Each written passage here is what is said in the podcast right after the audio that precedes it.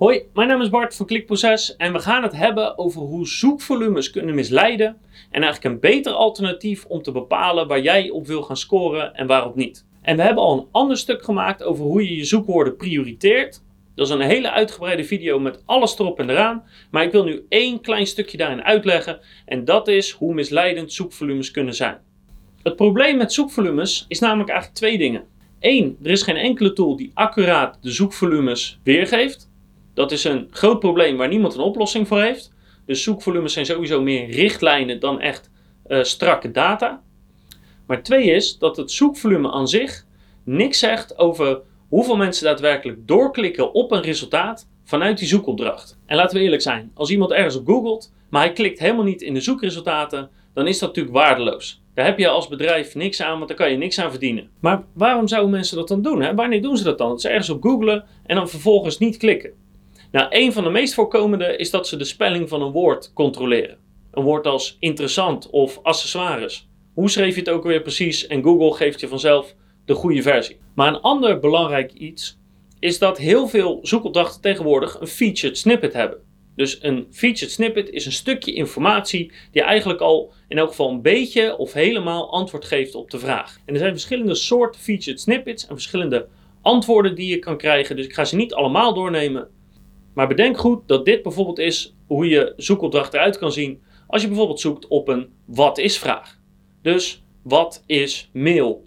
Dan krijg je dit antwoord en in feite staat daar het antwoord al een beetje in. En zo heb je nog meer van die relatief eenvoudige vragen. Bijvoorbeeld wie is, uh, welke bepaalde acteurs spelen in een film of welke uh, muzikanten spelen in een bepaalde band. Wie is de oprichter of oprichters van een bedrijf? Eigenlijk relatief simpele vragen waar Google je zelf al antwoord op geeft.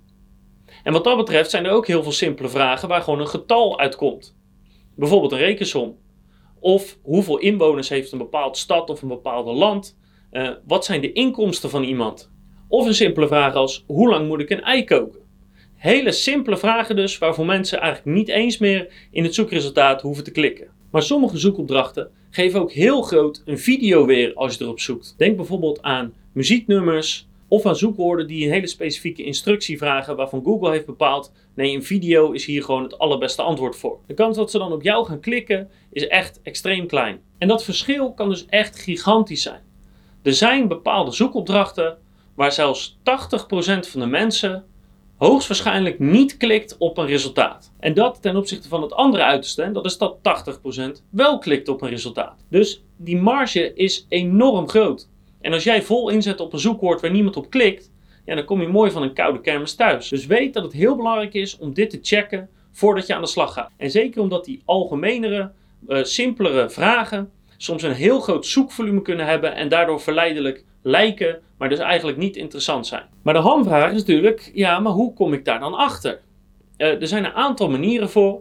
Eén eh, is de kosten per klik op een bepaald zoekwoord kan een indicatie zijn van of het commercieel interessant is of niet. Je kan natuurlijk gewoon googlen op een zoekwoord om te zien wat het resultaat is. En als je zo'n featured snippet ziet of als je een stukje antwoord ziet, dan kan je je afvragen hoe interessant dat zoekwoord voor je is. En soms kan het juist alleen maar interessanter zijn, omdat het een complexere vraag is waar mensen wel een stukje van het antwoord zien, maar nog altijd moeten klikken om het hele antwoord te krijgen.